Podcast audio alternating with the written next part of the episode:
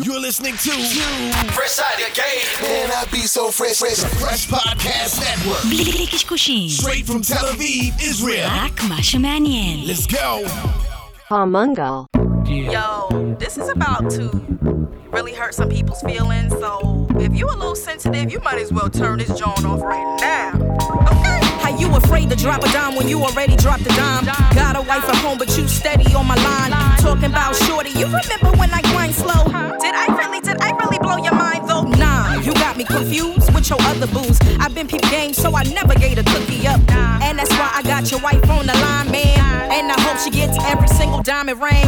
Niggas kill me, they put their fist up. Got you all thinking that they meant other people. מה, יאללה, רוץ, אמרנו. איזה כיף. תודה רבה לכל המאזינות, מאזינים שם ברחבי הגלקסיה, צוות המנגל, אורח מיוחד היום, פרק 199. אתה מאמין, יוסי, שזה פרק 199? אין לנו מושג עוד מה אנחנו עושים בפרק 200, כן? בסוף ברור. לא יקרה כלום, אנחנו כל הזמן ברור, אנחנו מדברים. נשב פה עם אה, נשב פה עם עוד מישהו ונדבר.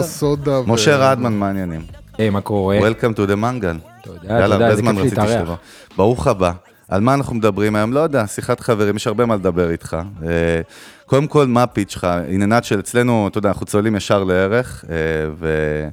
אבל באמת בדקה, אני קשה לי לכמת אותך, אתה יודע, שצריך לעשות את האלווייטר פיץ' שלך, כי אתה all over the place, אז בוא תספר למאזינים שלנו בדקה מי נגד מי, מה מו מי. טוב, אז משה רדמן, בן 38, קודם כל, נשוי למיטל, ואבא. לשלושה ילדים, בלעדיה כלום לא קורה. אה, אני מנכ"ל של סטארט-אפ שנקרא Universe, אנחנו מפתחים משחקים בעולמות של בריאות הנפש באמצעות VR. אני מייעץ לחברות, בעיקר גלובליות, בעולם של יישום חדשנות, ואני יוצר תוכן חובב. יש לי פודקאסט, ואני כותב המון בלינקדאין לא הייתי וכן הלאה. מגדיר חובב, אבל בוא, דיאלוג אחר. נותן בראש בלינקדין חזק מאוד, יש לך את הפודקאסט שלך גם, בוא נרים לו. כן, Digital Tech Business, אה, חוזר ממש עכשיו, אחרי חצי שנה של break. אני, אתה יודע איפה נחשפתי אליך, האמת, פעם ראשונה, בשיא הקורונה. התחלתי לראות כל הניתוחים סלש תחזיות שלך על כל ה drop ים של ה tech. אני זוכר את WeWork, אני זוכר אותך מדבר על WeWork, ואני ויוסי יש לנו, הולך אחורה הרבה זמן, אה, כן. הדיבור על WeWork, ומה קורה שם, ואיך ראו, ואיך לא רואים, והמלך הוא עירום וכל זה, ואז התחלתי לעבור, אה, לעקוב אחרי הניתוחים שלך שהיו מאוד מעניינים, שם התוכן שלך הפך להיות גם הרבה הרבה דברים אחרים, זאת אומרת, מאז. אבל uh, בגדול, פרק שעבר, אני ויוסי פעם ראשונה התלבשנו באמת על, uh, על uh, ChatGPT ודומה ועל AI בכלל כ- מהצד של אנשי marketing ותוכן, ואנחנו יכולים לדבר היום על- המון דברים, אני לא יודע מאיפה לתקוף, ואז זה מה שאני נתחיל. עושה, אני מכוון כן. ליוסי את הקלאץ' כן. ובום. קלאץ'. את הקלאץ', מה זה, איך מכוונים קלאץ'?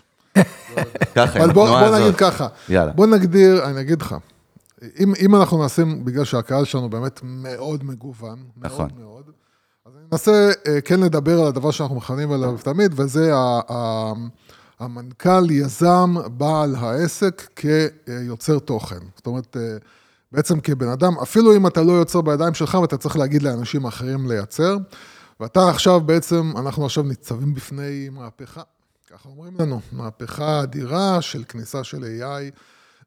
לא רק לעולם של טקסט, אלא עולם שבכלל יצירת תמונות ווידאו והכל. ואנחנו uh, טועים, הטיעון שלנו היה, או אני יודע מה אולי הטיעון שלי, זה שבעצם לאנשים, מה שנקרא ביצועיסטים, אה, הגרפיקאים, אה, אולי קצת האורחים, אנשי התלת פרפורמנס מימד, עזוב פרפורמנס עכשיו, להם בעצם הולך, הם הולכים להיפגע. זאת אומרת, הולכים להיכנס כלים שבעצם ייקחו מהם חלק נכבד מהעבודה.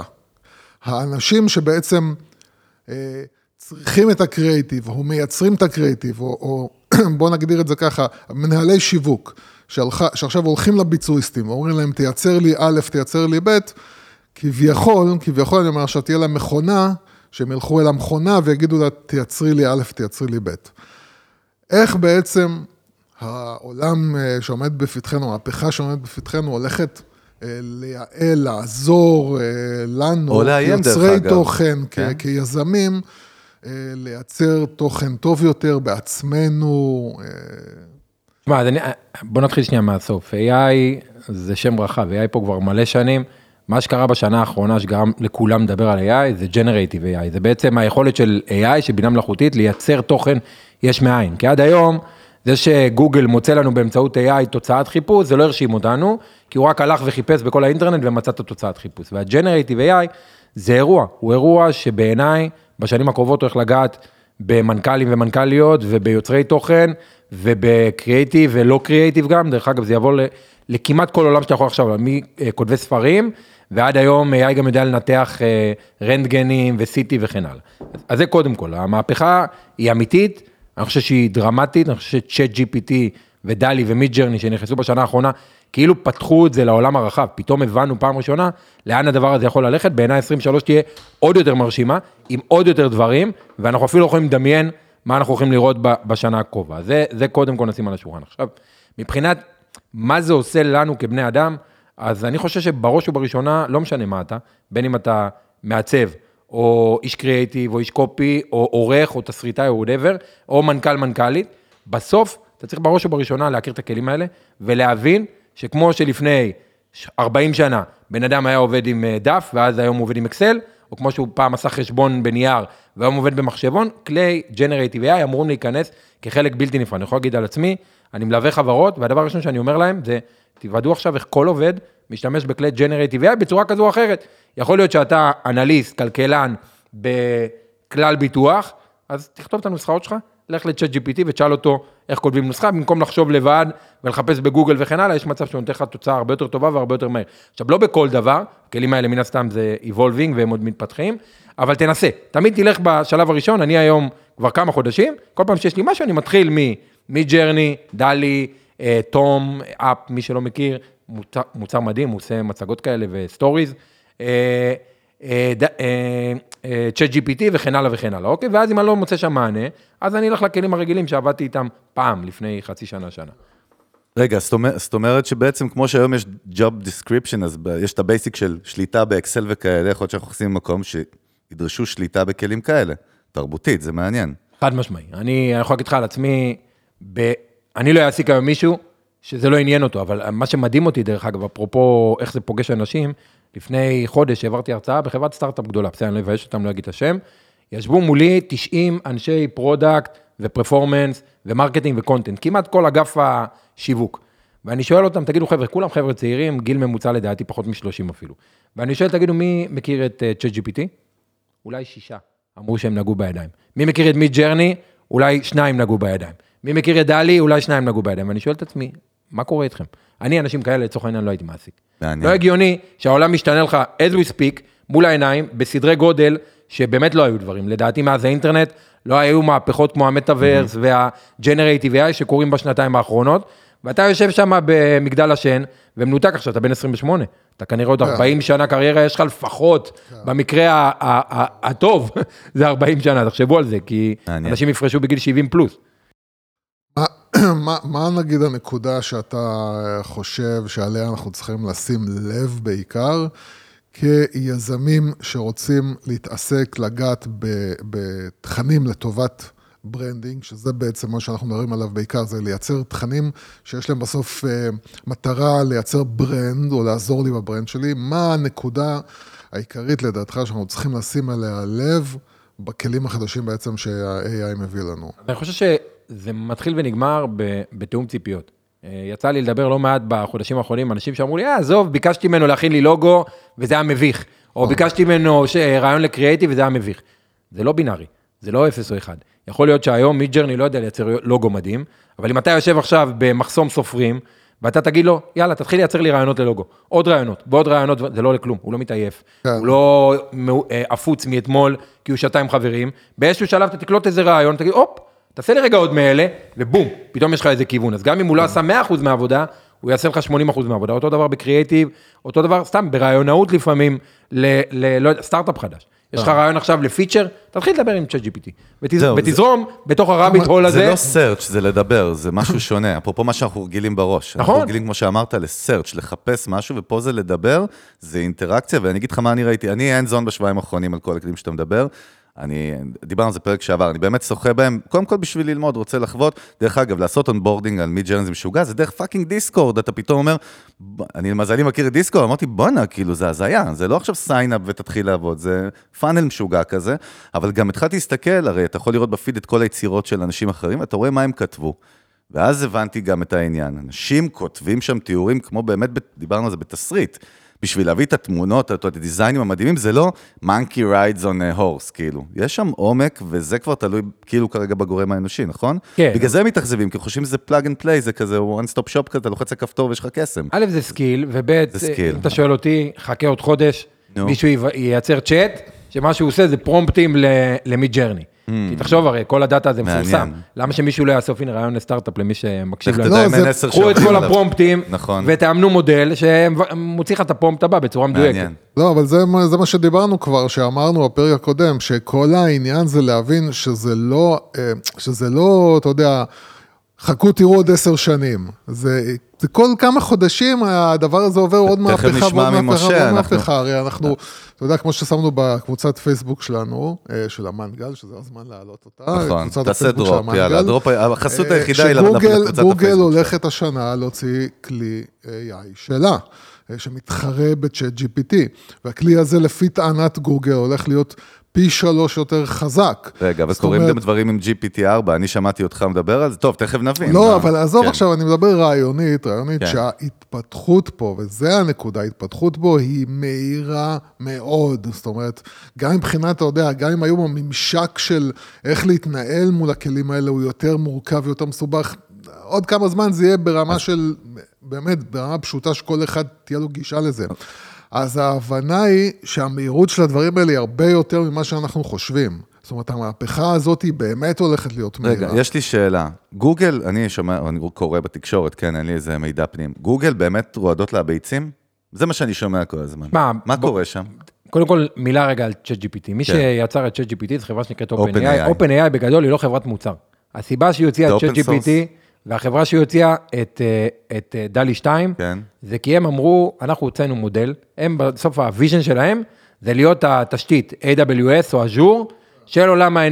זה- אתה רוצה לייצר אפליקציה, בוא למודלים שלנו, תאמן אפליקציה, ואתה תבנה on- תהיה... top of us. בדיוק, אתה תהיה הפרונט, אני אהיה אנחנו. ה-land, אנחנו לא בדיוק, ולכן, כוויז'ן, הם לא רוצים באמת להתחרות בגוגל, הם רוצים להיות תשתית, אוקיי? כמו הענן של עולם ה-AI לצורך העניין. הרבה יותר ביג. עכשיו, בגלל שהם לא ראו בשנתיים שהם כבר פעילים עם GPT-3, שזה המודל NLP, הם לא ראו מוצרים מספיק טובים, אמרו, טוב, אתם לא יודעים לעשות את זה, בואו נראה לכם רגע מה AI יודע לעשות. ואז הם הוציאו את דלי 2, ואז הם הוציאו את ChatGPT. הביאו טעימה של סוחר סמים, בקיצור. בדיוק, ולכן, אני לא חושב שדווקא בהכרח OpenAI מאיימת על גוגל, אני חושב שמה ש-OpenAI הראתה לעולם, זה מה שמאיים על גוגל. כל הסטארט-אפים שנבנים עכשיו as we speak ברחבי העולם, סביב ה-Chat GPT ו-GPT 3 וכן הלאה, הם מאיימים על גוגל, וגוגל הם לא פראיירים.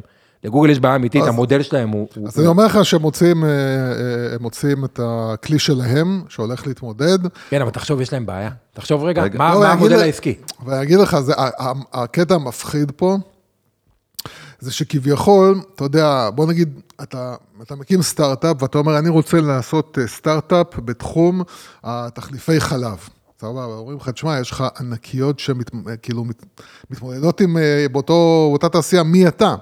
פתאום אתה יכול לקחת כלי שבעצם יכול לאפשר לך להתמודד עם ענקיות אחרות בתחום שלך ולייצר איזשהו מוצר מתחרה בענקים יחסית במהירות ובקלות הרבה יותר גדולה, כי התשתית הזאת היא, היא, היא לא, זה לא סתם תשתית, robust. זה הרבה יותר מענן של אמזון, אתה מבין? זה, זה אבל כאילו... רגע, הוא אמר פה משהו נקודה מעניינת שמסב אותה. אמרת גוגל בעיה בגלל ה business. ה business model של גוגל זה, זה, זה ads מ-search. traffic, eyeballs, נכון? אנשים שנמצאים. ב-B2B יש להם גם אין כלי בעיה, ואני B2B. מבין עכשיו שיש drop ב search בחודש האחרון, כי הרבה אנשים מתחילים לעשות את ה search בצ'אט GPT. ברור, זה בדיוק העניין, הרי גוגל, נניח שגוגל הייתה תיאורטית יודעת לעשות צ'אט GPT כבר לפני שנה. כן. איזה אינטרס בעולם יש לה לתת? הרי בסוף, מה הרעיון של צ'אט GPT? למה אנחנו כל כך מתלהבים ממנו? אחד, הוא מדבר איתנו, ושתיים, הוא נותן לך תשובה דוך.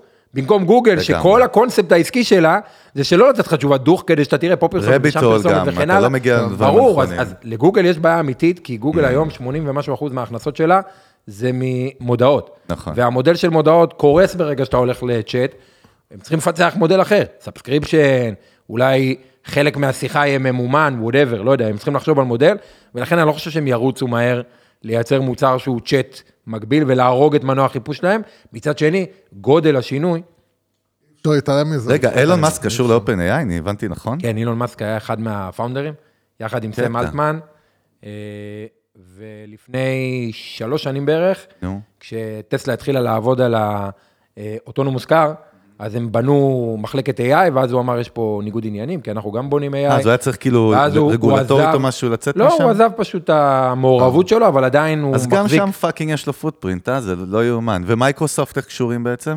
מייקרוסופט, בגדול הסיפור, הסיפור של OpenAI, הוקם כמוסד ללא כוונות רווח, מלכ"ר. אוקיי? NGO. אה, סם אלטמן ומאסק ועוד למי כמה חבר'ה. שלא יודע מה מאזינים, מי זה סם אלטמן? סם אלטמן הוא אחד מה founderים של Y Combinator, זה הסטארט-אפ accelerator הכי הכי גדול גדול בעולם. בעולם. הוא גם עשה כמה סטארט-אפים בעצמו וכן הלאה, אז הוא יחד עם מאסק ועוד כמה חבר'ה, אמרו AI זה אירוע מאוד מסוכן. אנחנו צריכים שהחברות הגדולות לא יהיה בידיים שלהם הסיפור הזה של AI. בוא נקים non profit, שהמטרה שלו זה להיות מוביל בעולם ב-AI בצורה אחראית. ואז הם הקימו את OpenAI, גייסו מיליארד דולר מתרומות, מכל מיני, מריד הופמן מ... לינקדין. מלינקדין ומפיטר טיל וממאסק וכן הלאה. כל החיות. גייסו מיליארד דולר ועשו את ה non profit. ככה הם היו בערך שנתיים שלוש עד שהם הבינו שזה לא עובד. non profit זה נחמד לצ'ק הראשון, אבל scale אי אפשר לעשות עם זה. ואז ב-2019 הם יצרו קונספט שהוא קונספט מעניין, שאומר אנחנו חברה למטרות רווח מוגבל. אנחנו לא מלכ"ר, אנחנו חברה, אבל יש לנו cap על הרווח. ואז הם באו למייקרוסופט ואמרו להם בואו שימו מיליארד, ואנחנו ניתן לכם עד פי 100 על הכסף. זאת אומרת, זה המקסימום, בניגוד לחברה אחרת שתאורטית יכולה להביא בדיוק. בלי סוף, ונכון להיום OpenAI הם חברה לכל דבר ועניין, פשוט חברה לרווח מוגבל.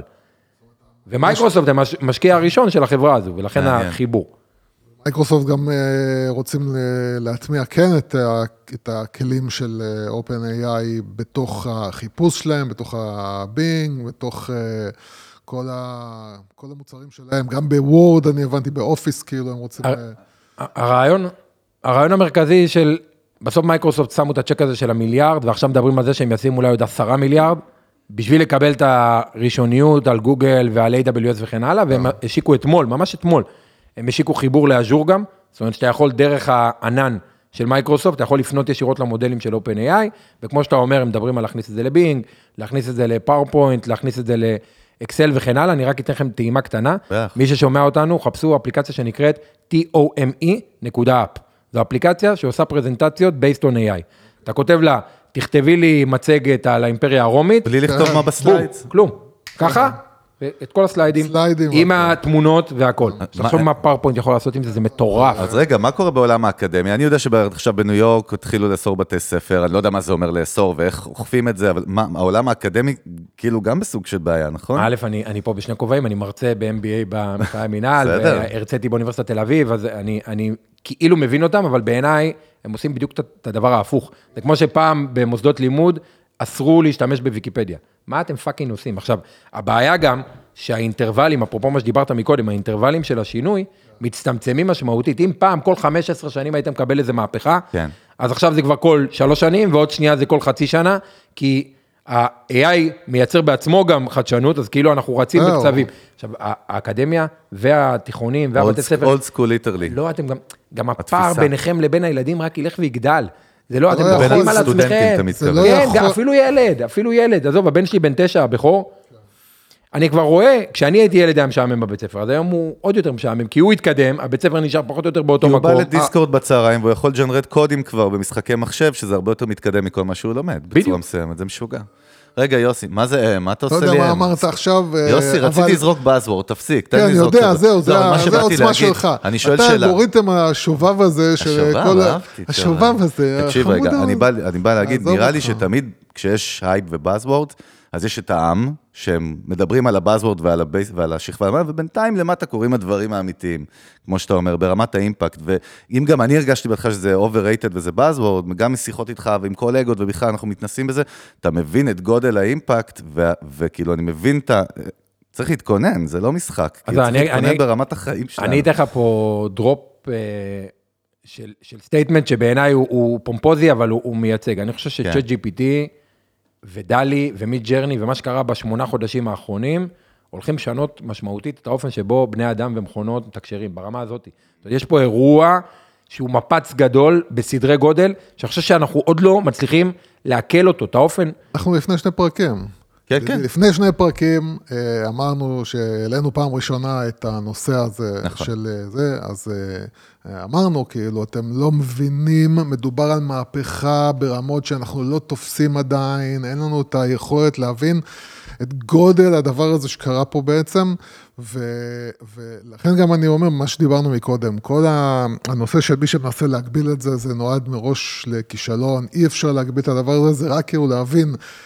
איך אנחנו בעצם מבינים שכל העולם האקדמי יכול להיות שהוא זקוק לשינוי, כל העולם החינוך, בתי הספר, אקדמיה, יכול להיות שכל הדברים שהם צריכים לפתח אצל התלמידים, זה בכלל דברים אחרים, כי לא, ל, ללמוד ידע או להוציא ידע או לסכם אה, ולהתכונן למבחנים, זה כבר לא הולך להיות ה, מה שבעצם נדרש ממנו ילד אה, צעיר או כאילו, סטודנט. פתאום יכול להיות מצב שכל המבחנים הם 100, נכון? כן, אבל עזוב? הבעיה היא אז- בסוף, אז המודל... הבעיה היא בסוף שהאופן שבו מערכות החינוך, לא משנה אם זה באקדמיה או בתיכון כן, או בבית ספר. יסודי, בסוף הן מקוילות על איזשהו KPI, איזשהו הישג נדרש, שהוא כבר לא רלוונטי. הוא נבנה לפני שהיה... הילדים שלי, ברור, לפני 100 טלוויזיה. שנה, אחי, אתה יודע למה- אתה יודע למה הקימו בית ספר? במקור? זה קשור מפעלים משהו אתם יודעים למה? לעבודה? יפה, כי נכון? בסוף היה, רצו. לייצר סטנדרטיזציה לפועלים. שיהיו פועלים שמגיעים למפעל, ויהיה להם, ידעו קצת קרוא וכתוב, ידעו דברים בסיסיים, ו- ווואלה, העולם טס. ואנחנו עדיין מוציאים פועלים שידעו קרוא נכון. וכתוב, זה הזוי. ולכן אני אומר, מי, אם מערכת החינוך לא תתאים את עצמה, אז אין ברירה. בסוף ילדים הולכים לבית ספר עוד שנה, עוד חמש שנים, בסוף היא תתפרק מעצמה. בסוף אני בתור הורה, או הבן שלי בתור הורה, בסדר, עוד 30 שנה, כבר לא אשלח את הילדים לבית ספר, אגיד, מה צריך את החרא הזה? אני שומע את הקולות האלה הזמן." מחברים כבר היום, יפה, כבר קורה. אבל זה כמו, זה כמו כאלה שאתה יודע, בארה"ב בעיקר יש את הקולות האלה שאומרים כאילו קולג' זה כבר לא הדבר בעצם שאתם צריכים לשאוף אליו. הוא פיטר טיל, אתה מכיר את פיטר טיל? הוא אחד. המייסדים של האגדה. PayPal, הוא מביא צ'ק של 100 אלף דולר ליזם, שמראה לו שהוא לא הולך לאקדמיה, כן. ובמקום זה הולך לעשות סטארט-אפ. בואנה, אני הייתי מקבל ממנו איזה לו 20 מיליון דולר. אני לא יודע אם יש לי 12 שנות לימוד, הייתי אה. בורח להפסקות לעשן. אה, אז בוא, בוא, בוא אבל כן ננסה להיות אה, שנייה יותר, אתה יודע, עכשיו דיברנו הרבה בעננים, אפרופו, בואו ננסה לרדת קצת לאדמה. בוא נגיד, גם אה, היום, בכלים שכבר יש לנו היום, ב, ו, אבל בוא נסתכל חצי שנה קדימה, או אפילו שנה קדימה. מה בעצם האמצעים שיזם, אה, מנהל שיווק, אה, האדם, האדם כל יוצר תוכן.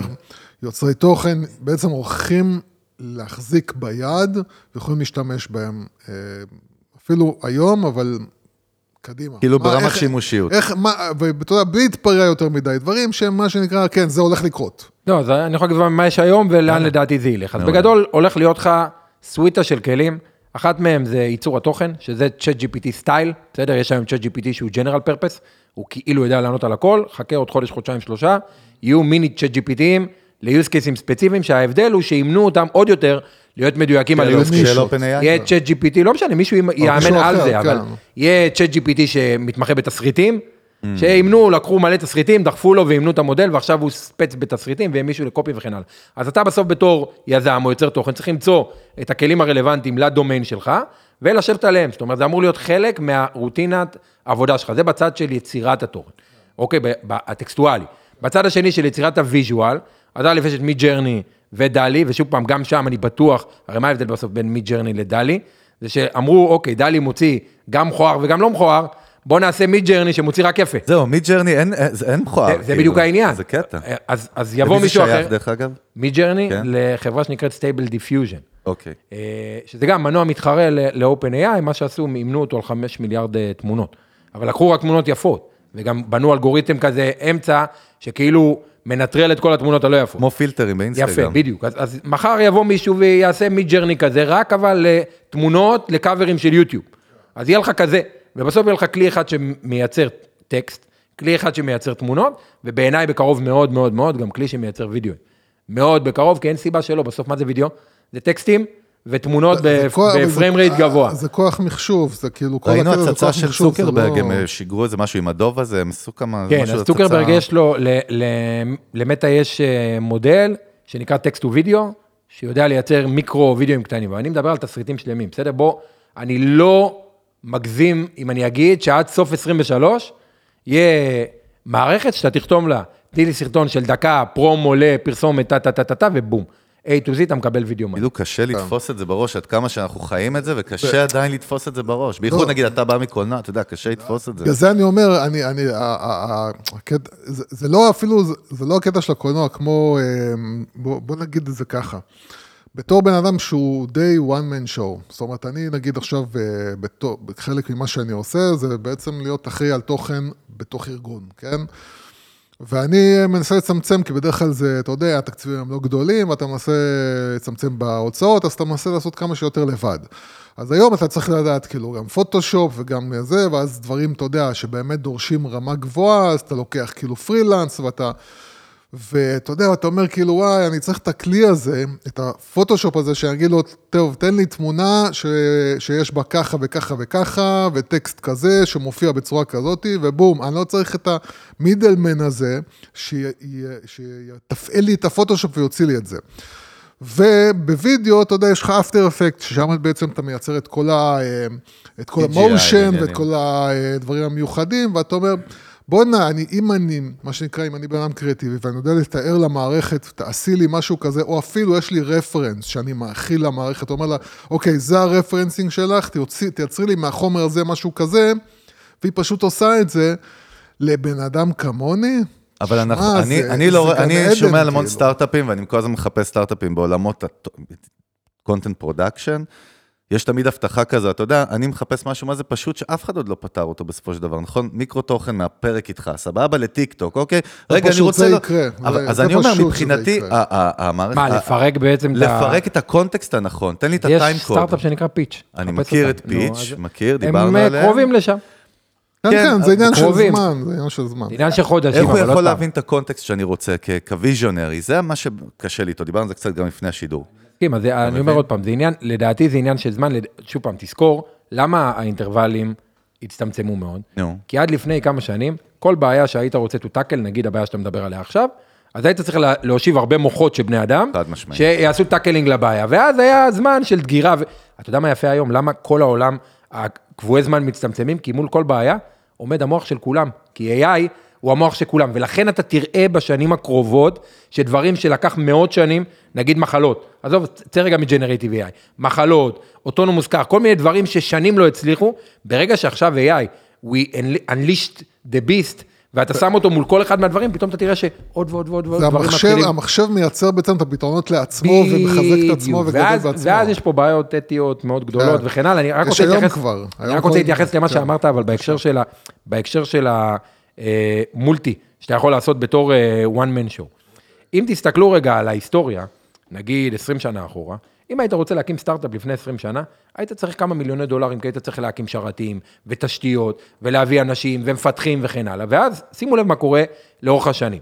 באו ואמרו, אוקיי, עזוב, אל תקנה שרתים, יש ענן. ואז אמרו, יש Fiverr, אז אתה לא, Fiverr, אז אתה לא צריך להביא...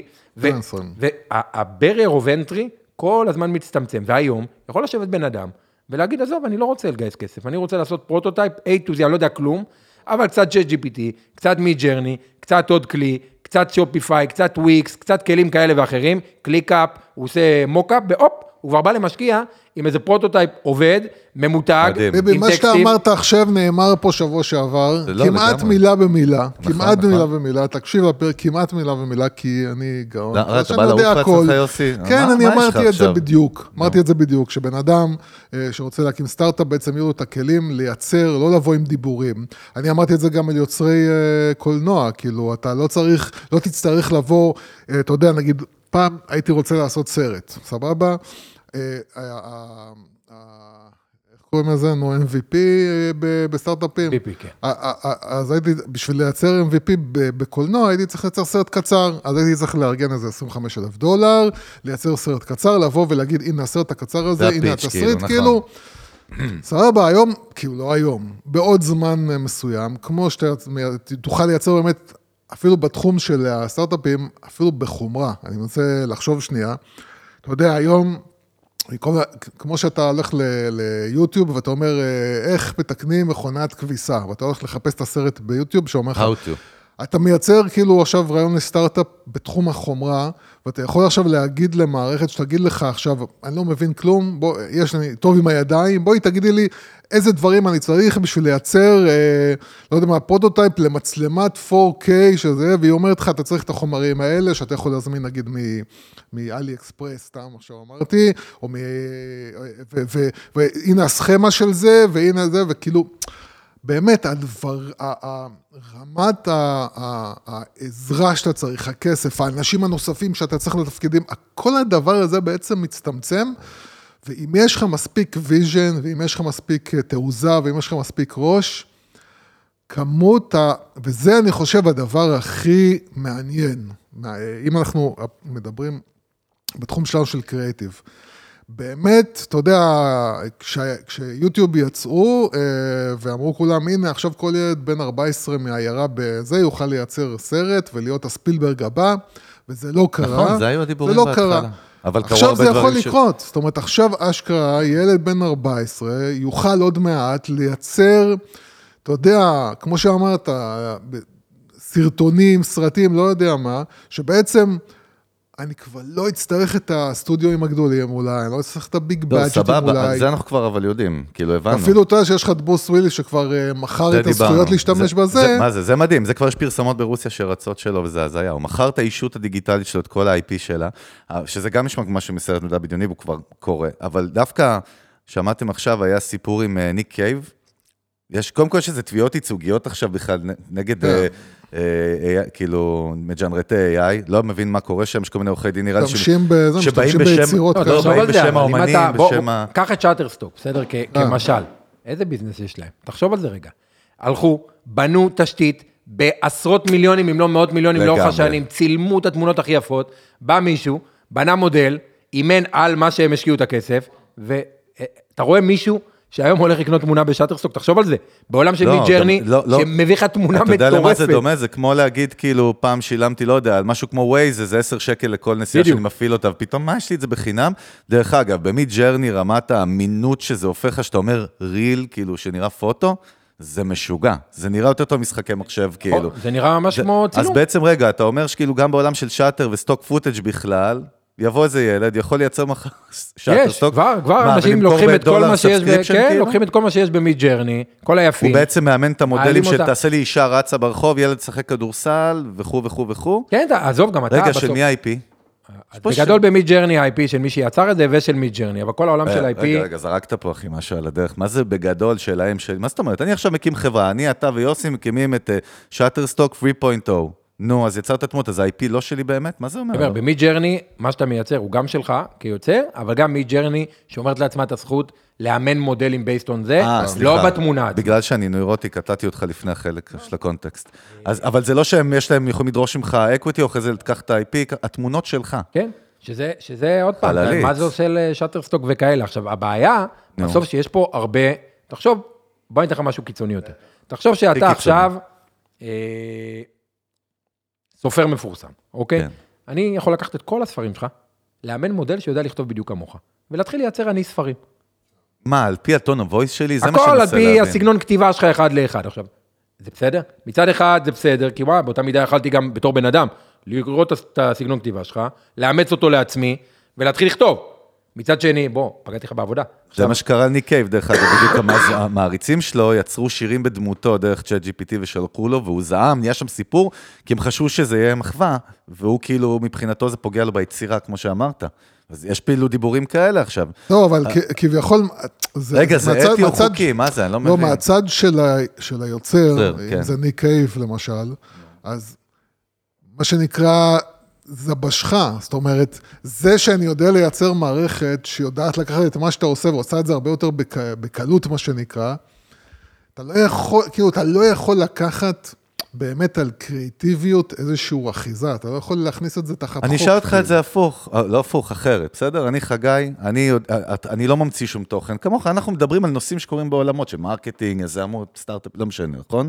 מה, מה, מה, מה גורם לנו, נגיד, להצליח שתינו ב LinkedIn, לדעתי? ה tone of voice שלנו. אתה מבין מה אני מתכוון?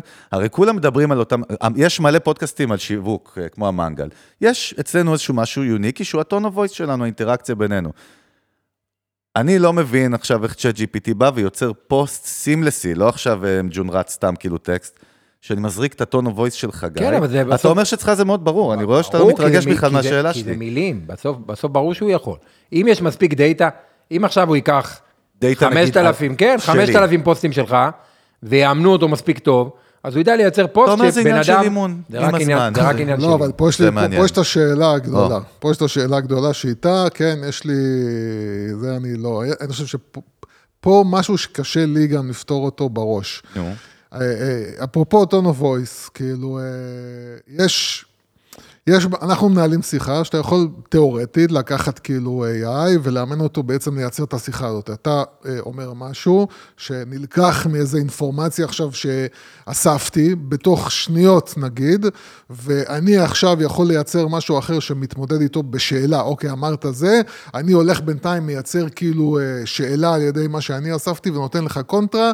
אתה מלביש את זה עכשיו על הסאמפל של הקול שלנו, ואתה מייצר פה אה. אפילו פודקאסט, כן? אבל יש מהלכים שבן אדם מייצר, שמערכת לא יכולה לחשוב עליהם. זאת אומרת, אני, יכול להיות שאני מייצר פתאום איזו תפנית בשיחה, או איזושהי תובנה, שהיא נובעת מתוך... משהו, תקרא לזה איזושהי חוכמה שבנויה אצלי, והיא כל כך, כל כך, כל כך מורכבת, וזו אנושיות, שאותה קשה לי לראות, כאילו... אבל כל פעם שאנחנו שמה- אומרים את זה אפילו למשה- אם תגיד לי, זה- זה עניין של אימון. אז תשמע, זה עניין אז- של אימון. אז הוויכוח הזה, אני, כן. יצא לי לנהל אותו בחודשיים האחרונים עם באמת, טובי אנשי ה-AI בעולם, שכותבים לי מכל מיני סטארט-אפים וכן הלאה, ובסוף יש שאלה אחת, האם אנחנו מאמינים שבן אדם הוא אסופה של מודלים שאומנו לאורך השנים או לא? אם אתה מאמין שבן אדם יש בו איזה אקס פקטור, שהוא...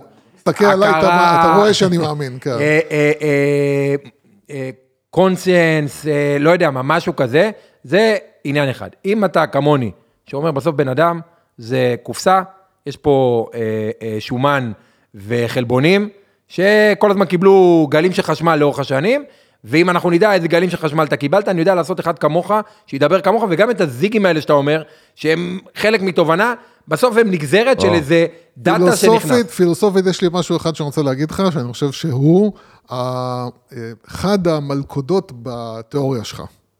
נו. זאת השאלה, שאלה לא רק פילוסופית, היא גם אתה מעשית. באמת בא לשאול או להודיע? כן, כן, כן. האם אני יכול בעצם, האם אה, אה, מערכת שבנויה על AI יכולה להחליט שהדבר הכי נכון עבורה עכשיו זה להרוג את עצמה, זה לחסל את עצמה. בן אדם יכול להחליט בסיטואציות מסוימות, קיצוניות. שהמעשה הכי נכון המוסרי זה להרוג את עצמו. וואו, כן, הלכת איתי לשליחות יזרוק על- זה קטלנית יזרוק עכשיו. עצמו על רימון, נגיד. האם יש מערכת AI שיכולה מתוך עצמה עכשיו להגיד, הדבר הכי טוב בשבילי זה עכשיו להרוס את עצמי?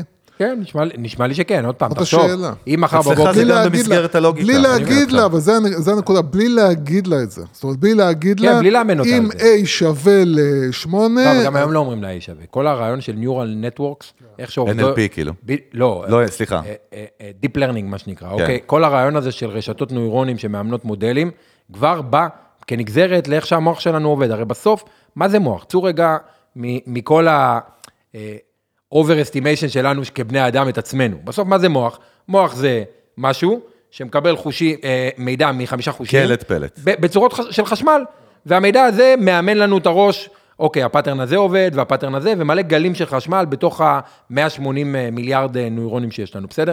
זה, זה בדיוק הרעיון. עכשיו, בסוף, ה- לקפוץ על רימון זה נגזרת של חוויות שחווית בחיים, של דאטה שהכניסו לך, של חינוך, כל הדברים האלה זה בסוף מידע. עכשיו, היום, במודלים הנוכחיים, אנחנו לא יכולים להגיע לשם, בסדר? זה לא שמחר GPT 4 או 5 אפילו, יכול לבוא ולהגיד, אוקיי, אני מספיק אה, ערכי, ואני מוכן להתאבד לטובת הכלל. כן, אבל זה כמו שאתה אומר, אבל אבל זה כמו ימצאו- האינטרנט ב-2000, בדיוק, כאילו, אבל בסוף. ימצאו את התמהיל דאטה הנכון, ואת האלגוריתמיקה הנכונה, ש- שתדע לחקות גם מודעות של בן אדם לצורך העניין. מה שאתה מדבר זה נגזרת של מודעות. זה כנראה לא יהיה עוד שנה, כנראה זה יהיה עוד 10 שנים, אה. 15 שנה, 20 שנה, אבל בסוף זה יקרה. ואז תשאל אותי, מה איתנו?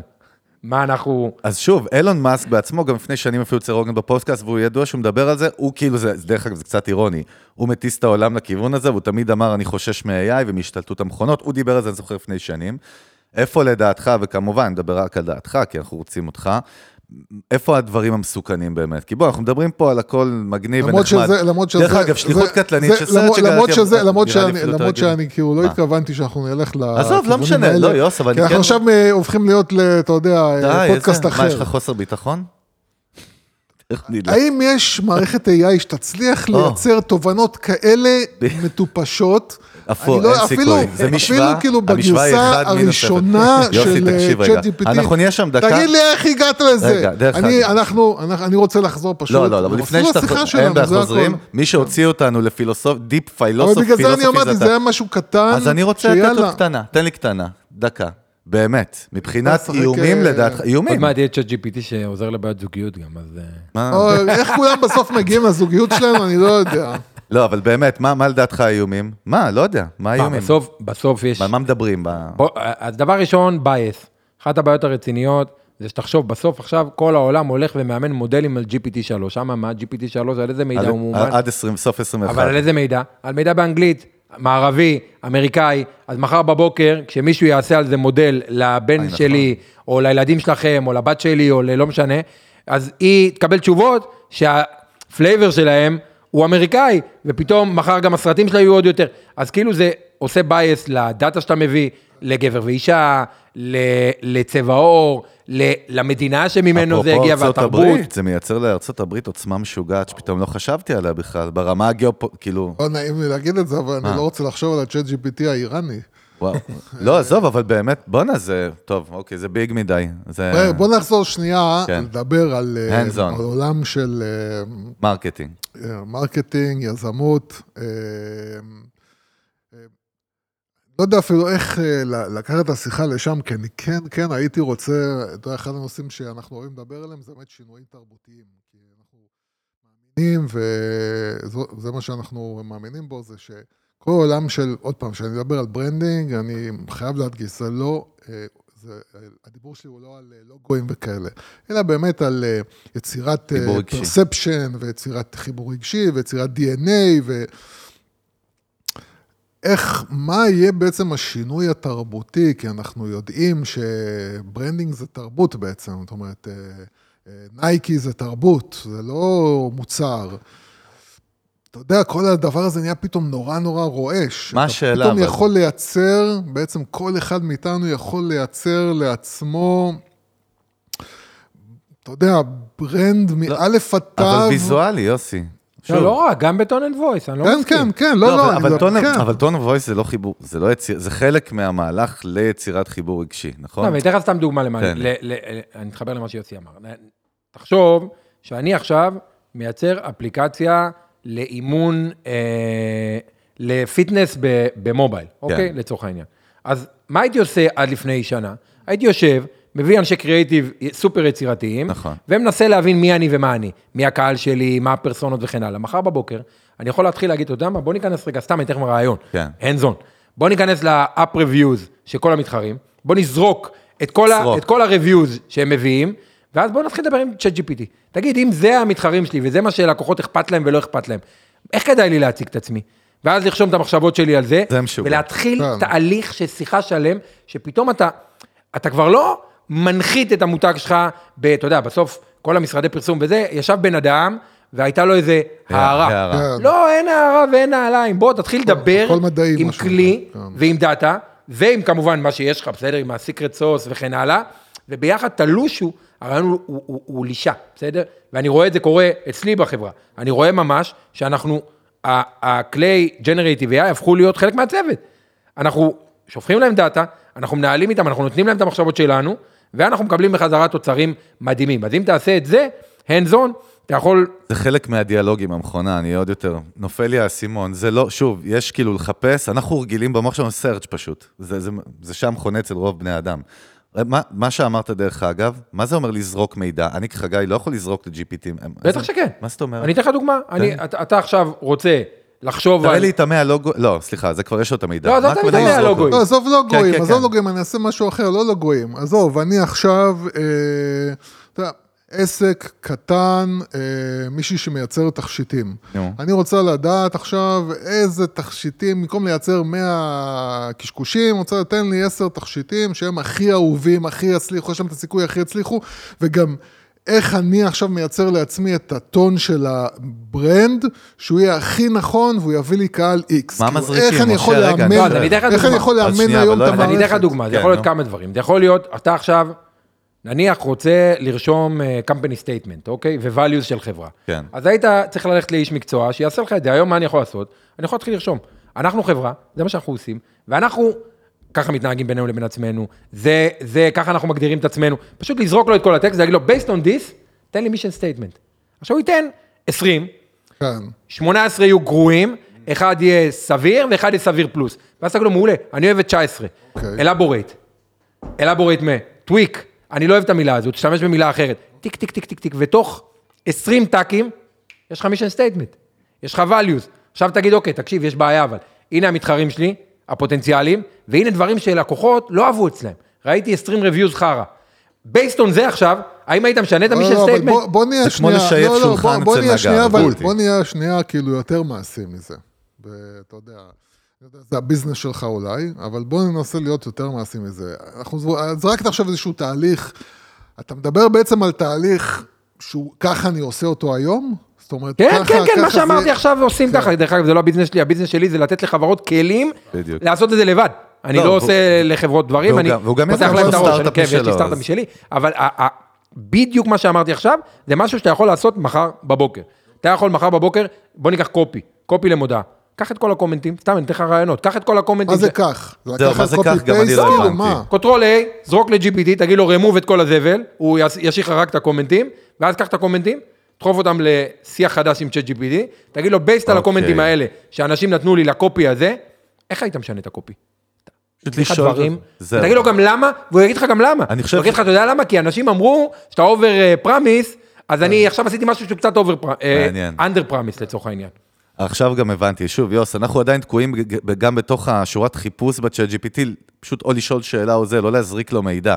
ופה מה שאתה אומר, יש את האפשרויות כבר היום להזריק לו מידע. לגמרי. זאת אומרת, אני, אני כאילו לוקח סתם copy paste, אז כמו שאמרנו, אני לוקח שיר של Guns N' Roses, לוקח את הטקסט, מה, אני מכניס אותו לשורת חיפוש? כן, ואז, כותב לו. או נקודה ושואל שאלה על זה? נקודותיים, לא, אתה אומר לו, write me a song בלה בלה בלה, Based based on- on הטקסט הזה, נקודותיים, שם את רגע, הטקסט, רוצה, enter. אני רוצה גם שיבינו. זאת אומרת, הוא גם, כשאתה אומר לו, תייצר לי קופי ל, או תייצר לי פוסט, הוא יודע למה אתה מתכוון. זאת אומרת, הוא. יודע מה זה פוסט, הוא יודע. מה זה שיר, הוא יודע יותר מזה, זה... אתה רוצה לנסה אותי, תגיד לו, הקהל יעד שלי זה נשים או גברים, אמריקאיות, אפרו-אמריקאיות, אה, אה, גילאי 20-30, ואתה תראה שהוא משנה. ואתה תראה שהוא משנה, וככל שתיתן לו יותר מידע, אחת הבעיות זה שאנשים היום משתמשים בזה בכמה מילים וזהו. לא. ת, ת, כמו שאמרת, זה לדעתי משל מאוד יפה. תשייף אותו, לאט לאט, אבל אתה יכול לקבל דברים שהם מדהימים, מדהימים, מדהימים, ודרך אגב, גם להזין פנימה חזרה למכונה. כאילו הוא הוציא לך תוצר, קח אותו עם משהו שאתה עשית, ותחזיר חזרה למכונה, ו... אז, אז דרך אגב, עכשיו אני מבין גם איך אה, כולם אה, מפחדים, אה, הולכים לאבד את המשרות. פשוט designer יהפוך להיות design supervisor, או כל מיני, אתה מבין, נכון? התפקיד שלו ישתנה. כן. זאת אומרת, designer עדיין הוא מישהו קריאיטיבי שצריך להיות אחראי על עיצוב, הוא פשוט יהיה, השיח עם המכונה, המכונה כאילו תהיה העובד כן, הפועל. הבעיה תהיה, הבעיה תהיה, וזה ברמה מאוד אה, אה, קונקרטית, הבעיה תהיה ב spare time, והזמן המהיר פתאום שאתה יכול לייצר. כי תחשוב, בוא ניקח תלתיסט. תלתיסט זה דוגמה טובה מהעולם שלנו. לגמרי, נכון. תלתיסט בסוף היה יושב, היית אומר לו, תמדל לי למי שלא מיקרופון. יודע, תלת מימד, מי שעושה תלת היה, מימד. היה, היית אומר לו, תמדל לי מיקרופון, אמר לך, בסדר, חכה, אני צריך גיאומטריה. אני צריך טקסטשרס, אני צריך שלושה ימים למדל. עכשיו, בעוד דקה ורבע, ב-2023, יש כלי, שאתה אומר לו מיקרופון, הנה reference ב image, תמדל לי אותו. עכשיו, עדיין צריך תלתיסט, שיסתכל, שזה בסטנדרט, שיבחר את הנכון, אבל זה לקח עשר דקות. במקום. מה הוא עושה. עם השלושה ימים האלה עכשיו? אז הוא יעשה, אז א', הפרודוקטיביות שלנו? תואץ, דבר שני, אם היה לי סטודיו של עשרה תלתיסטים, אולי אני צריך אחד. וזה בעיה אמיתית. אני חושב שהאטלטיסט הוא פשוט יהפוך להיות הבן אדם, שהוא הבן אדם ש... שהוא הסופרוויזור, זאת אומרת. על ה-AI, זה מה שאמרת. זה מה שאמרתי, כן, אבל כן, יש אבל פה- אז צריך אחד, לא צריך. עשרה. נכון, אתה נכון, זוכר, זה בדיוק מה ש- כאילו, זה בדיוק ב- העניין. ב- ב- בנפילה של 2000, נכון? ב- בקריסת הדוט קום, נכון? ליוסי יש חברים, עד איפה זה הגיע הרי הקריסה? היה סייד אפקטס, נכון? זה כמו מפולת שלגים, בהתחלה סטארט-אפ אפל, כל הספקים מסביבו, היה לך חברים שהתעשרו מ... אני זוכר, ממכוני כושר בתוך סטארט-אפים, נכון? היה פעם דבר כזה. אז כאילו, אני זוכר שגם הם פשטו את ה... כאילו בסוף, יש פה איזשהו side effect, זה לא side effect, אני לא אומר את זה נכון, אני אומר מפולת שלגים, בסוף זה אומר שאולי גם המחיר ירד, זאת אומרת, אם, אם כאילו סטודיו של After, סתם, זרקנו את זה, לוקח ברור. 50 אלף שקל פרויקט, פתאום אולי יגידו, לא, אני משלם לך אלף שקל. ברור, אחי, בוא, אז- אני אתן לך את זה דווקא מעולם הרפואה, בסדר? סתם אוקיי. כדי שתבינו. תחשוב שעד לפני דקה ורבע, היית רוצה לקבל? אנליזה לאיזה דעת. מחלת עור בעייתית. 1,500 שקל פרופסור. היית רוצה ללכת בעולם, גם זה 1,500 דולר. היום יש לך נכון. צ'אט GPT, אתה כותב לו, אז היום צ'אט GPT הוא ג'נרל פרפס אמרנו, אבל בעוד דקה. ורבע יהיה צ'אט GPT רופא, ששמו לו את כל המחקרים הכי עדכניים. יש לך היום אה, עורך דין, צ'אט GPT. אז, אז אני אומר, יש פה בעיה אמיתית, ברמה כזאת שאילון מאסק לצורך העניין, וסם אלטמן וכל אלה שהזכרתי, כן. מדברים על זה שהרגולטורים בעולם והממשלות לא מבינות שבעוד דקה ורבע יהיה אבטלה אמיתית בהיקפים מאוד גדולים. מדברים על לא רע, דרך אגב. Basic, איך זה נקרא? בדיוק, ה-Universal Basic Income, זאת אומרת שאנשים יצטרכו לקבל כסף לאוכל בית וזה. לאוכל בבית, כי, כי לא צריך שהם יעבדו, כי, כי מכונות יודעות לעשות את זה מצוין, אפרופו, כמו שקורה באבו דאבי ובקטר, שהם כל חודש מקבלים את הצ'ק מה, מהנפט מבלי לעבוד באמת. הנפט כן. החדש.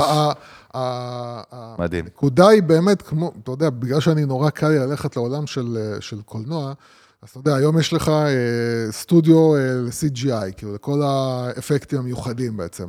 אז יש לך שם, אתה יודע, את, הסופרוויזר, שהוא בעצם יושבים תחתיו כל הביצועיסטים, כן? שהם באמת, זה שמייצר את הצל, וזה שמייצר את הטקסצ'ר. color correction ומה לא, כן, קלר קורקשן זה בסדר. כן. אה, אתה יודע, יכולים להיות גם 300 איש שעובדים כאילו בסטודיו כזה.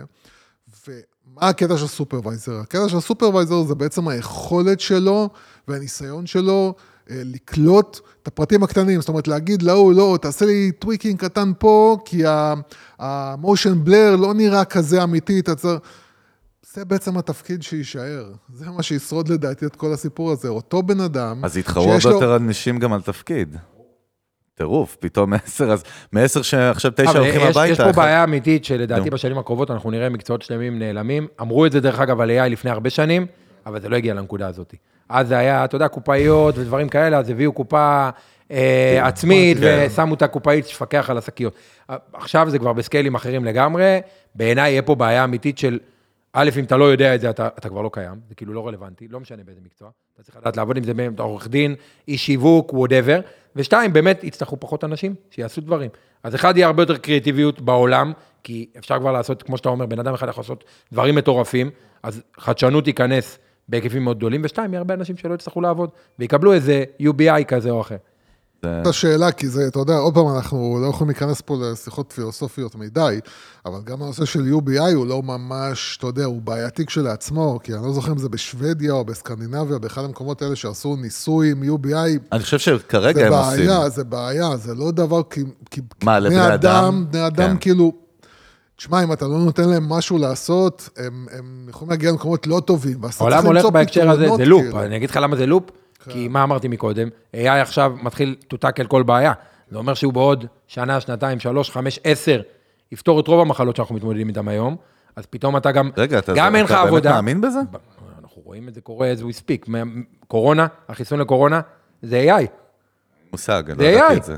זה AI. AI היום עובד על תרופות כמעט לכל מחלה שאתה יכול לחשוב עליה, אז מנסים מודלים של AI לפתור. עכשיו, מדברים על זה שהבעיות הכי גדולות ברגע שהם ייפתרו, אז אתה כבר לא תחיה עד גיל, אולי לא אנחנו, בסדר, הילדים שלנו, או בוא נגיד אחרת, אה, קירה רדינסקי, כן, ה-.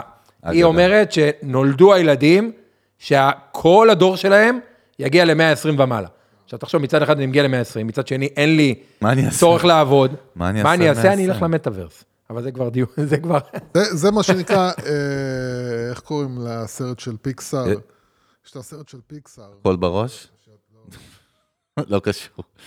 עזוב, אני נזכר בסרט של ברוס וויליס. אחד יש- הסרטים שאני הכי לא, אוהב, שהוא יש, יושב אה, בבית זקן והרובוט שלו. יש, אני לא זוכר אם זה. WALL-E, אבל יש את אחד הסרטים של פיקסאר, שאתה נכון. רואה את כל האנשים פשוט מחוברים למטאוורס, משמינים להם בתוך הכיסא כאילו, כן, כי פשוט יש לא עושים שום דבר. Ready Player 1 גם. Ready Player 1, כן.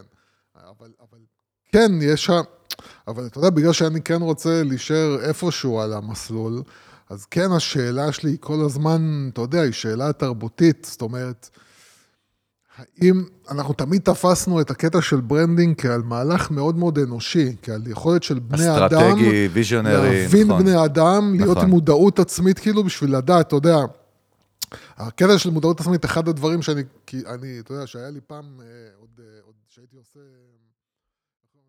סדנה, והייתי מביא את הכלי של מודעות עצמית ככלי הכי חשוב ש, שאיש שעושה marketing חייב. זאת אומרת, היכולת הזאת היא להבין שאתה עושה מהלך, איך הוא יתקבל בצד השני. וגם אינטליגנציה רגשית, אנחנו מדברים על זה. אינטליגנציה רגשית, כן, כן. זה באותו אותו מקום, כאילו, מבחינתי. איפשהו הקטע הזה, אתה יודע, פתאום נהפך להיות בעייתי, הדבר, ה... ה- ו- ואיפשהו אולי פה אני יורה לעצמי ב... ב... ב... ברגל למה שאמרתי מקודם, אם, אם באמת, באמת, באמת, מצד אחד, אני, קשה לי לתפוס איך מערכת ממוחשבת יכולה לייצר הפתעה. זאת אומרת, אחד הדברים שבן אדם יכול לעשות, זה ללכת נגד, כאילו, זה לעשות, ללכת ברור. נגד מה שכאילו זה, לשבור את המוסכמות ולייצר משהו חדש, שאנשים יגידו, וואו, מגניב, זה מה שאני רוצה.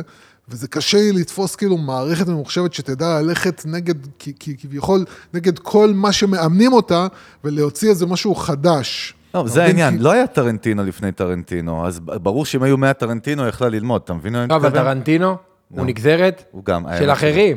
הוא ישב, לא ראה את כל הדברים האחרים, נכון. ראה, בסוף, מה- אצל- טרנטינו זה, הוא. נגזרת של... אה, לא משנה, אה, אבל עזוב. עזוב הוא תמיד. אומרים שהוא... לא, לא משנה, אבל באופן. כללי, בסוף כל בן אדם שהוא היה אה, אה, שובר מוסכמות, הוא בסוף ראה את התחום שלו. כן, אבל השבירה תחום עצמה, אחר, אבל השבירה עצמה בסוף היא נגזרת. של איזה תחום אחר. אבל, בסוף, אבל איך מכונה יודעת לעשות את השבירה?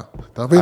אמרתי... זה מי שיושב ועושה לה supervising, ידע, ידע לבוא ולהנחות אותה נכון, ולנהל איתה את השיח הזה, בסדר? אם אני עכשיו בא ואומר למכונה, אני אתן לך סתם דוגמה, תכתבי לי סיפור ילדים קצר, לא ChatGPT עכשיו, ChatGPT בעוד שנה וחצי, או שנתיים או שלוש. תכתבי לי סיפור ילדים, אוקיי? אבל אני רוצה שהסיפור ילדים, הוא לא יהיה סטנדרטי עם אה, אה, סוף טוב וכן הלאה, אני רוצה שהוא יהיה בכלל מדעי, מכיוון של, אה, אה, לא יודע מה, של space, של דברים מעולם ה space.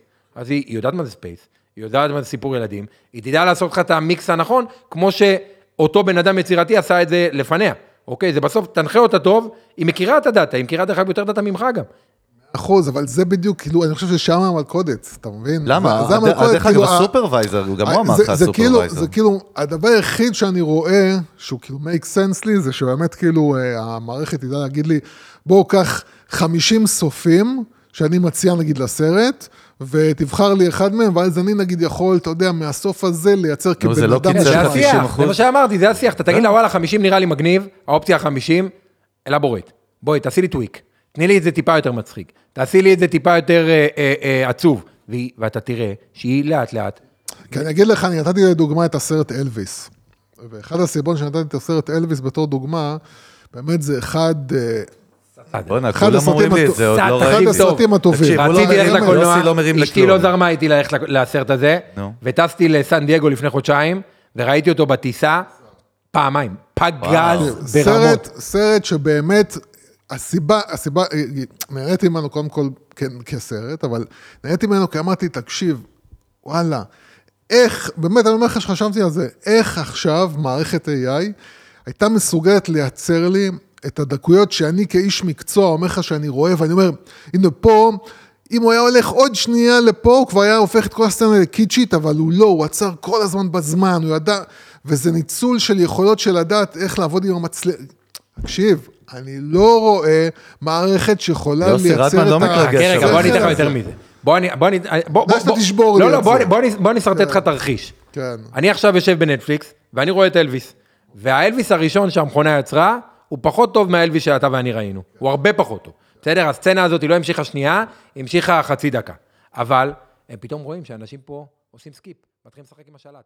אז מנוע AI מדייק את הסרט, ומדייק את הסרט, ומדייק את הסרט, אבל- ברמה שאתה לא יכול לדייק דרך אגב, נכון. כי הוא גם לוקח data בזמן. אמת, והוא יגיע למצב שהסרט. הוא כל כך מפולח, כבר אתה מדבר על משהו בכלל, מה הוא לא שנקרא... כזה, זה זהו, דרך אגב, הוא לא אנחנו לא. כזה רחוקים. זה. אפרופו, דרך אגב, אם אני מכניס את זה לתוך אה, עולם ה market, ה marketing, כי זה דבר שראיתי אה, סטארט-אפ שעושה את זה, אבל לא בקטע, אולי הוא משתמש ב-AI, אני לא נראה לי, אבל זה למה שאתה עכשיו מכניס, זה באמת כאילו איזשהו משהו שנכנס לי בקטע של אה, marketing. אז יש אה, סטארט-אפ אה, בריטי, שמה שהוא עושה זה לוקח...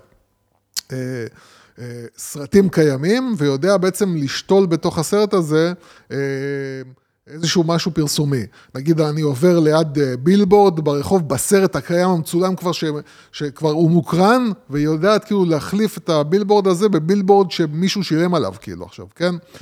מה שאתה מדבר עכשיו זה בכלל משהו פסיכי, וזה גם עניין באמת כבר של, אה, גם של, אתה יודע, אני מתאר לעצמי הסכמים ועורכי דין וזה, האם יש לי את היכולת לקחת סרט שעשה סקורסזה עבור נטפליקס, ולשנות, להיות הבמאי שלו, בתור הבן אדם כאילו שיושב עכשיו, ה suit כאילו, שיושב עכשיו, החליפה שיושבת עכשיו בנטפליקס. עשר שנים מהיום, אתה תיכנס למשקפי VR, לראות סרט בנטפליקס, ואתה ואני וכל אחד אחר נראה סדרות אחרות לגמרי, שהם ה essence שלהם, הוא אותו essence, אבל כל אחד, בהתאם לתגובתיות שלו ובהתאם ל flavor שהוא אוהב, יזרום עם סדרה.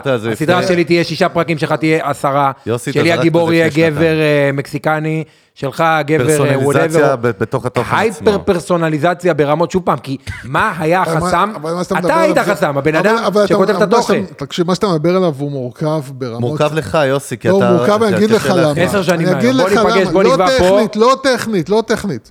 הוא מורכב כי, כי הוא, הוא, הוא שינוי של הסיפור, אתה מבין? זאת אומרת, אבל אתה אם מכיר אם- סיפור עם אה, מסלול אם מאוד אני- מסוים. אם- אתה גם מכיר סקורסזה שאכפת לו מהסיפור, אבל מי נכון. שכתב מלכתחילה את הסיפור, זה מודל של AI, נכון. אז לא, אתה לא שואל אותו אם אתה רוצה לשנות או לא. לא, לא, לא, לא, לא, לא, לא, לא, אני לא מדבר עכשיו אפילו על זה. אני מדבר עכשיו על זה ש... אני אגיד לך את זה ככה, אם בספרות זו, זולה, ה, ה, מה שנקרא, איך קוראים לו, אה, וינסנט וגה, שמשחק אותו, אה, אה, לא בשקט. סמואל ג'קסון, השני.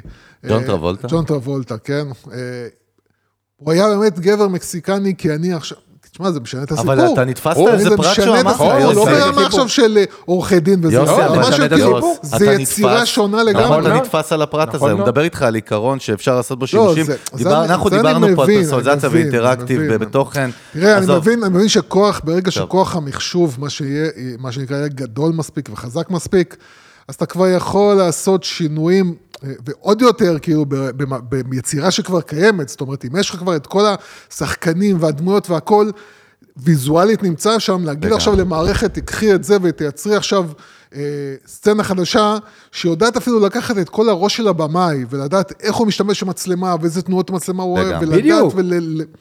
טוב, זה אני לקראת מבין, סיום, זה אני מבין. ש- שאלה אחת שמעניינת אותי, אני אני עכשיו שובר שמאלה אוף דה גריד, אבל לא בדיוק. אה, אתה יודע, אחד ה... לא position מסוים, אבל אנחנו חיים כולנו ב tech הישראלי בכל אופן, ב ecosystem, חוץ מיוסי שבחר אה, לפרוש למערות. אה, אני בלואו... אה, וה-chat GPT רודף אחריך עד להר כרמל, אבל uh, מתכנתים. האנשים שעד לפני רגע פה בתחילת הקורונה, קרנם הייתה, אתה יודע, הכי big והכי למעלה.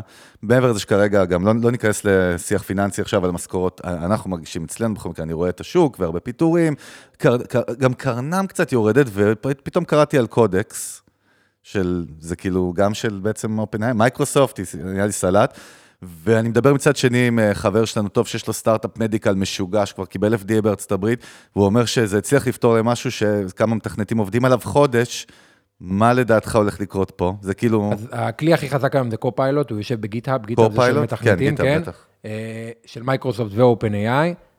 הם הוציאו דוח על 2022, 80% מהקוד שנכתב, AI כתב, על GitHub ב-2022, ולכן מתכנתים זה מקצוע, בטח הפרונט-אנדים והדברים ה basic, ה basic יותר. הוא יעלה, מכונות יעשו את זה, שוב פעם, יהיה supervisor. זה אחד המקצועות לגמרי. מה, שמצחיק שקרה פה, זה שלפני כמה שנים הוציאו דוח של איזה מקצועות ייעלמו ב- בגלל AI. כן. והמעצבים, והמתכנתים, וה, והאנשי קריאיטיב היו הכי גבוה באלה שלא ייעלמו. קטע. ואיכשהו בא ChatGPT ו DALL-E וכל אלה ו Copilot, והפכו את הקערה. ואמרו, לא, לא, לא, אנחנו מתחילים דווקא מהקריאיטיבים, כי דווקא שם אנחנו יכולים לזהות פאטרנים, והם הצליחו לזהות פאטרנים, ולכן מתכנתים לאורך זמן בעיניי הצטמצמו משמעותית, הרבה מאוד מהעבודה מכונות יכולות לעשות. אתה שואל אותי מה בסוף יישאר לנצח? זה היכולת שלנו כבני אדם. קצת מתחבר למה שיוסי אמר, לאחד בין הרבה תחומים, מולטי דיסציפלינריות. זאת אומרת, אני בסוף, כשאני מסתכל על הילדים שלי, אני אומר, מה אני רוצה לגדל אותם? אני לא רוצה שהוא יהיה מתכנת, כמו שהרבה הורים רוצים. אני רוצה שהוא יהיה אדם חושב, וכמה שיותר רחב וגדול, כי הוא יתרחק מהמכונות, גם לשם הם יגיעו. אבל הם נכון. יגיעו אולי עוד 50 שנה. וככל שאתה מולטי דיסציפלינרי, וככל שאתה חושב מחוץ לקופסה או בלי קופסה בכלל, שם אני חושב שמקצועות שיישארו עוד המון שנים, מתכנתים זה לא כזה. רוב המתכנתים, לא כולם, אלגוריתמיקאים וכאלה. עזוב, רוב זה גם אמרה מפחידה, המפתח הג'וניור הבסיסי, הוא הכי לא חושב שיהיה, זה הכי פאטרנים, אה, ברורים זה כמו מראש. פועל במפעל. בסופו של דבר. בדיוק, ולכן. ולכן, אני חושב שדווקא אה, AI לגמרי ינגוס גם בהם. מה, טוב, סיימנו את זה, מה אני אגיד לך? אני לא יודע איזה נימה זאת, היה מרתק, אבל אני- יודע מה אני הולך לעשות אחרי השיחה, אני הולך לצלול פנימה ולהתחיל לאמן את ה fucking, אני רוצה לתת ל-GPT שלי שם, די לקרוא לו ככה, מה זה? צריכים להתחיל לתת להם שמות, נכון? כל אחד יהיה את שלו בסוף. רגע, יש ארבע בדרך, אמרת, שמעתי אותך אומר לא מזמן. ארבע? אה, כן, כן, כן. נכון? אה, GPT 4 אמור לצאת מתישהו ב-2023, לא יודעים מתי, אומרים שהוא יהיה עוד קפיצת מדרגה? משמעותית. זה עדיין לא General AI, מה שנקרא כן. AI שיודע לעשות הכל, אבל אנחנו מתקרבים לשם. טוב, בראדר, קודם כל תודה רבה, היה כיף, אנחנו יכולים להמשיך ככה עוד שעות. קודם כל, אתה תחזור אולי עוד חצי שנה, שנה, פעם, בדרך כלל אנחנו אומרים תחזור עוד כמה שנים לאורח ונראה מה קרה פה. האינטרוולים, האינטרוולים מצטמצמים. יש מצב שעוד אה, חודשיים אתה בא לפרק ונראה מה... כל מה שאמרתי, תשכחו מזה, זה העדכון. אני אראה פה רובוטים נשקים מחוץ אני אשלח לבית. את האבטר שלי. יאללה, מתאים, לא, יותר כיף הפלאש. אז תודה רבה, ועוד פעם, פודקאסט הזכיר לנו, את השם? Digital Tech Business. Digital Tech Business, וכמובן LinkedIn, אה, במדינת LinkedIn, מה שנקרא. אה, אז גם כמובן מוזמנים לעקוב אחריי ב LinkedIn ואינסטגרם, יש לנו קבוצת המנגל בפייסבוק, אנחנו גם נעלה את הפרק הזה ולדיון עם המאזינים שלנו וה... והעוקבים של הקבוצה עם משה, ונראה נראה מה קורה שם, יהיה מעניין. זהו, אנחנו ב Spotify, Apple Podcast, Deezer, Stitcher, YouTube כמובן. תכתבו לנו אם בא לכם שנדבר על נושאים ספציפיים, אכלנו את הראש, ביי ביי, משה תודה.